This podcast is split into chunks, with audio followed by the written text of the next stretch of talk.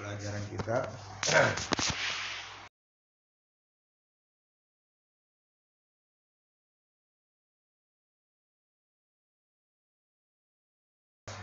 Mayat orang yang sudah mati. Karena kita sudah mempelajari hukmuha. Ya, hukum sholat jenazah. Ya, kemudian fadluha.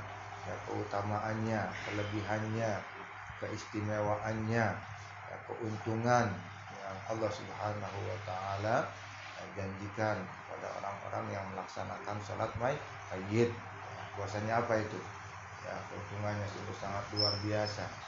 Siapa yang mengikuti jenazah dari rumahnya menuju ke masjid ke tempat disolatkan jenazah tersebut kemudian bersolatkan ya, kemudian apa mengiringinya bahkan ikut mengusung ya membawa memikul keranda jenazah tersebut ya, dari masjid ke kuburan kemudian menyaksikan ya, bahkan mungkin ikut aktif ya dalam proses penguburan ya, turun ke liang lahat ya ikut apa menggali tanah kuburan, ikut menguruk tanah kuburan dan seterusnya sampai selesai, maka dia dijanjikan oleh Allah Subhanahu wa taala akan mendapatkan dua ki dua kirat ya daripada pahala.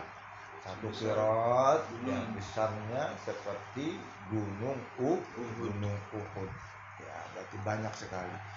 Ya, kemudian kalau cuma hanya ikut mengusung, ikut memikul ataupun mengiringi jenazah tersebut dari rumahnya sampai ke masjid. Ya, kemudian ikut mensolatkan sampai di situ saja dua kebaikan ini maka dia akan mendapatkan satu ki satu kirat ya satu pahala yang gedenya sebesar bukit uh bukit Uhud. Nah, makanya ada komentar salah satu daripada sahabat baginda Rasulullah SAW yang bernama ya, Abdullah ibnu Umar radhiyallahu anhu setelah mengetahui betapa luar biasanya pahala apa ikut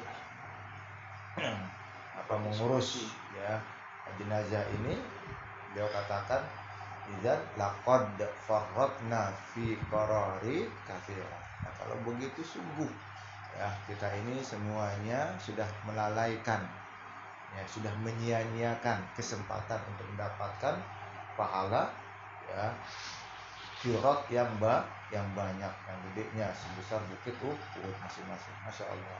Akan kita lanjutkan yang ketiga syurutuha ya syarat-syarat sholat jenazah sholat jenazah Nah, sholatul janazati yatanawaluha lafzus sholat. Nah, sholat jenazah itu ya meliputinya, mencakupnya lafaz sholat.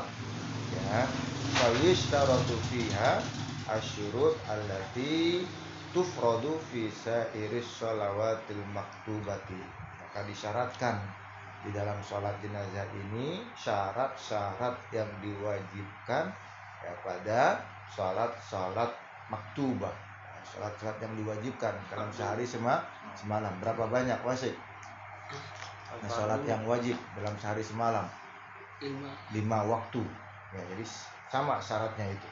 Ya seperti sholat wajib lima wak lima waktu. Ya. Minat toharoti al haqiqoh ya, berupa daripada seperti ya kesucian yang sesungguhnya ya. Wat toharoh minal hadasil akbari wal asghar.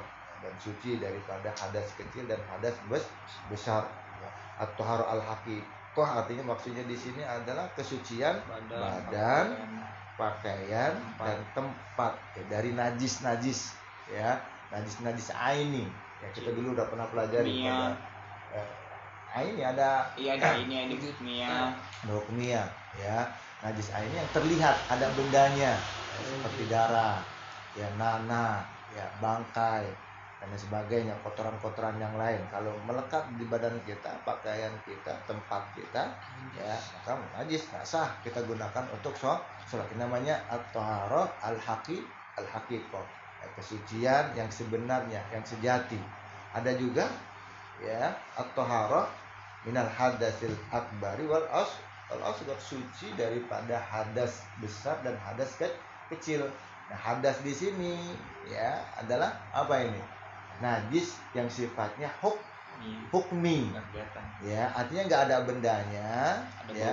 nggak ada baunya juga nggak ada baunya. Nggak ada bendanya nggak ada baunya nggak ada rasanya dan seterusnya. Tapi kalau itu ada kalau itu terjadi maka seseorang yang mengalami hal tersebut disifati sebagai berha berhadas. Baik berhadas besar ataupun berhadas ke kecil. Apa itu hadas besar? Ya ya orang yang dalam keadaan ju junub junabah ya seorang laki-laki suami istri kan hubungan badan air mani junub hanya dia kondisinya. Ataupun seorang wanita yang tengah mengalami haid ya ataupun nih nifas ya. Haid nifas junub ya. Dan sebagainya ini disifati sebagai Besar. ya hadas bes besar. Orang yang berhadas besar. Nggak dalam keadaan suci. Bagaimana cara mencucikan dari hadas besar? Mandi. Mandi besar juga. Ya mandi besar juga. Artinya seluruh anggota badan itu ya kita guyur kita siram dengan a- air kita usap kita basuh kita gosok-gosok semua kena secara merata ya niatnya karena Allah Subhanahu wa taala. Itu. Nah, kalau nggak ada air baru tayam tayamum. Kalau nggak ada air baru tayamum.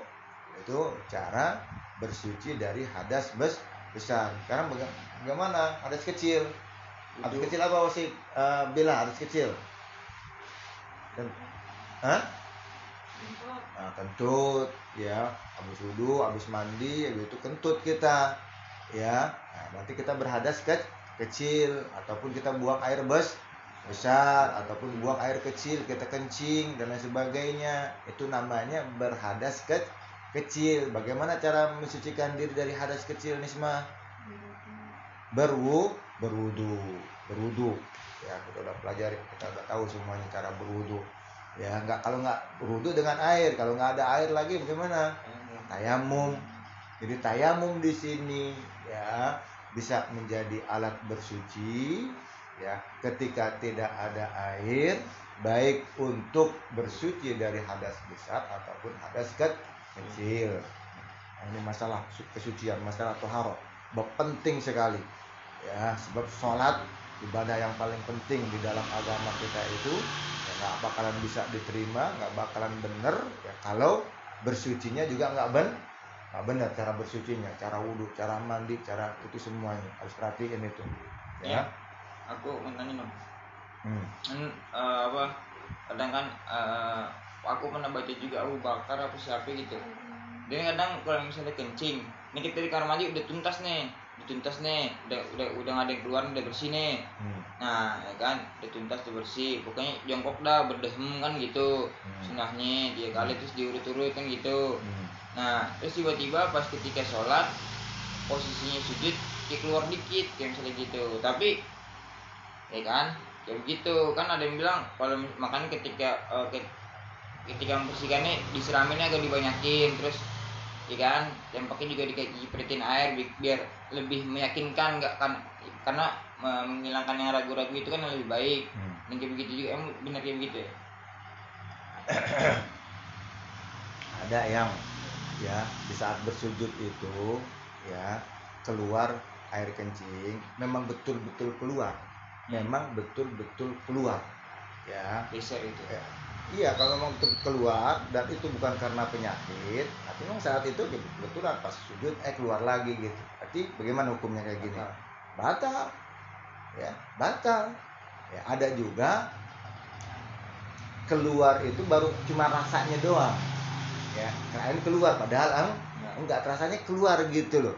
Ya, padahal enggak. Ya, mungkin karena masih masih dalam saluran tapi masih di dalam hmm. eh, dalam kema- kemaluan gitu loh. Tapi terasa gitu ada pergerakan gitu. Tapi nyatanya enggak. Nah, ini enggak. Iwan kan menghilangkan was-was itu kan nah makanya di antara cara menghilangkan was-was itu ya dicepetin juga ke pakaian ataupun ke badan ki- kita. Baik ketika kita dapati air oh kita yakinin oh ini tadi bekas cipratan air wudhu. Hmm, kan bekas sisa kencing. air kencing yang mengenai apa baju ataupun badan di badan kita itu. Mana yang kita yakini lah mana yang kita yakini. Ya mana yang kita yakini kalau memang itu kita yakini ini air kencing betul betul ya batal kita. Tapi kalau memang ini penyakit penyakit artinya sering terjadi pada kita seperti itu dan nggak bisa kita hilangkan nah ini kan akhirnya menimbulkan masyak masyak kok kesulitan. Ya memang begitu apa habis kencing udah daham-daham udah diurut-urut udah di ini masih tadi. Itu lagi netes lagi. kan. netes lagi netes lagi. Itu namanya penyakit penyakit. Itu dalam istilah fikih itu dibahkan salisul baul. Ya, orang yang air kencingnya itu terus aja netes gitu walaupun udah di istimbrok dari busaan dibersihin gitu. Itu orang kasus kayak gini ya karena menimbulkan masyakoh kesulitan yang berat bagi diri dia.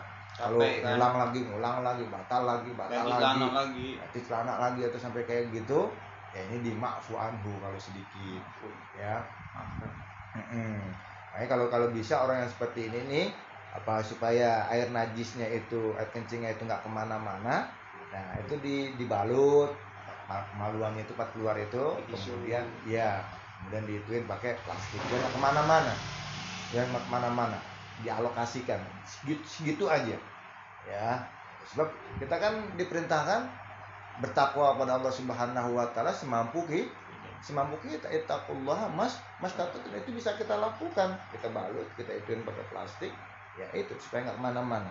Kalau bisa semati itu ya alhamdulillah insya Allah. Maafu anhu yang didiemin netes-netes ke baju ke badan ini. Nah, ini. Anjis. Nah, malah menyebarkan. Iya malah menyebarkan. Kayak misalnya kentut kan ada yang bilang kalau misalnya emang eh, itu ya kalau bunyi atau misalnya bau kan gitu kan. Kadang hmm. kalau misalnya kayak ragu-ragu gitu kan nggak usah gitu kan. Hmm. ya, kita lanjutkan dulu nah, okay. ya. Wastiqbalil kiblati wasatril aurah ya, dan menghadap kiblat dan menutup au aurat. Itu syarat-syarat ya, apa biasa. Di dalam sholat ya, wajib lima waktu juga yang berlaku dalam sholat jenazah jenazah. Bahwa Malik an Nafi telah meriwayatkan Imam Malik ya, dari Nafi anna Abdullah ibn Umar radhiyallahu anhu bahasanya Abdullah bin Umar radhiyallahu anhu semoga Allah ridha dengan keduanya. Semoga Allah senang dengan keduanya dan kepada kita semuanya. Ya karena yakulu satu kali pernah berkata la yusalli ar-rajulu ala janazati illa wa huwa tahirun ya, janganlah seseorang laki-laki maksudnya seorang laki-laki ataupun perempuan perempuan ya Bil boleh nggak orang perempuan ikut sholat jenazah? Mensolatkan, boleh.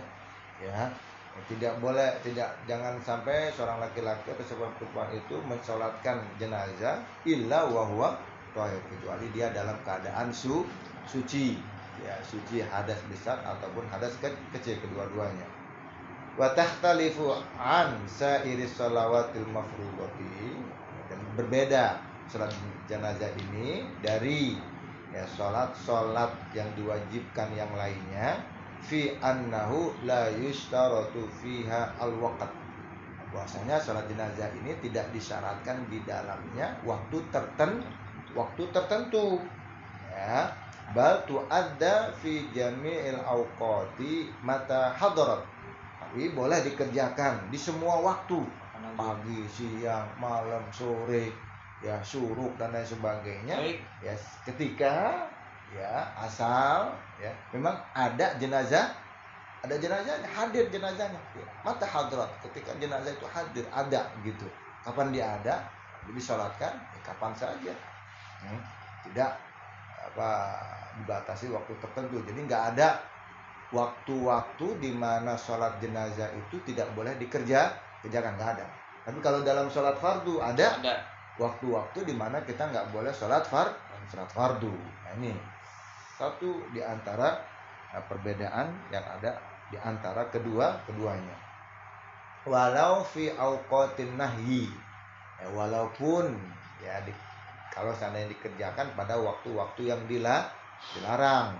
Ya, waktu yang dilarang untuk melakukan sholat far fardu. Ya indal ahnafi wasyafi'iyah menurut pendapat ulama-ulama dari madhab Hanafi dan madhab Syafi'i. Ya.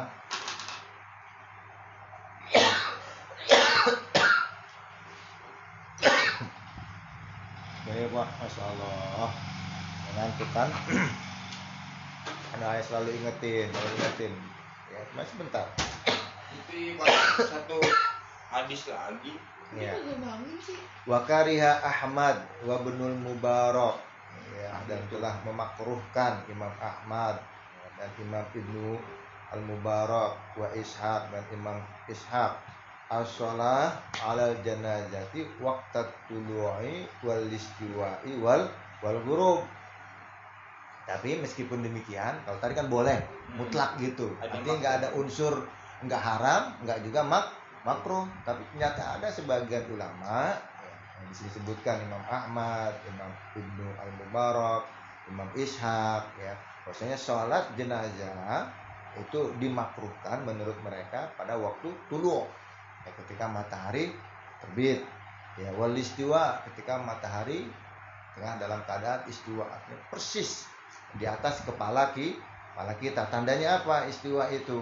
Ya bayangannya enggak ah nggak ada kan? Ada persis di atas kepala kita itu. Ya wal gurub ataupun di saat matahari terben terbenam. Apa sih? suruk habis subuh. Apa terbit ataupun tulu ya. Nah, kalau gurub terben terbenam matahari terbenam. Habis asar tuh kan Terbenam. kan nggak ada nggak sholat rawatib Ya, tuh barat. cuma ya, suruk syarok syarq timur. Terbit di arah tim arah timur. Illa in khifa bihat tagayyur kecuali kalau dikhawatirkan ditakutkan ya terjadi perubahan pada jenazah jenazah. Perubahan artinya nanti bau banget gitu Busuk. kalau di apa diundur ditunda gitu. Ya busuk dan lain sebagainya. Ya udah cepet-cepet. Hujan Ya. kuburan jadi kalau namanya makruh asal ada hajat aja ada alasan yang kuat aja hilang makruh hilang makruhnya jadi mubah Nah, jadi mubah. Bahkan bisa jadi sun bisa jadi sunnah sebaiknya artinya. Ya, itu makruh tuh. Makruh ya. Kalau ada hajatnya, yang hajat udah hajatnya mu'tabarah secara agama, diakui ya, maka hilang kemakruhan kemakruhannya. Bahkan bisa jadi disyarat disyaratkan atau mustahab, dianjurkan sebaiknya. Ya, pada tadinya mak makruh. makruh tuh. makruh jadi mubah terus jadi bisa jadi sunnah. Nah, di mustahab, mustahab. Artinya dianjurkan, dianggap baik, ya disarankan, sebaiknya dikerjakan, mustahab namanya. ya itu, ya sedikit aja nih karena pada oh ini, ah, suruh. Dan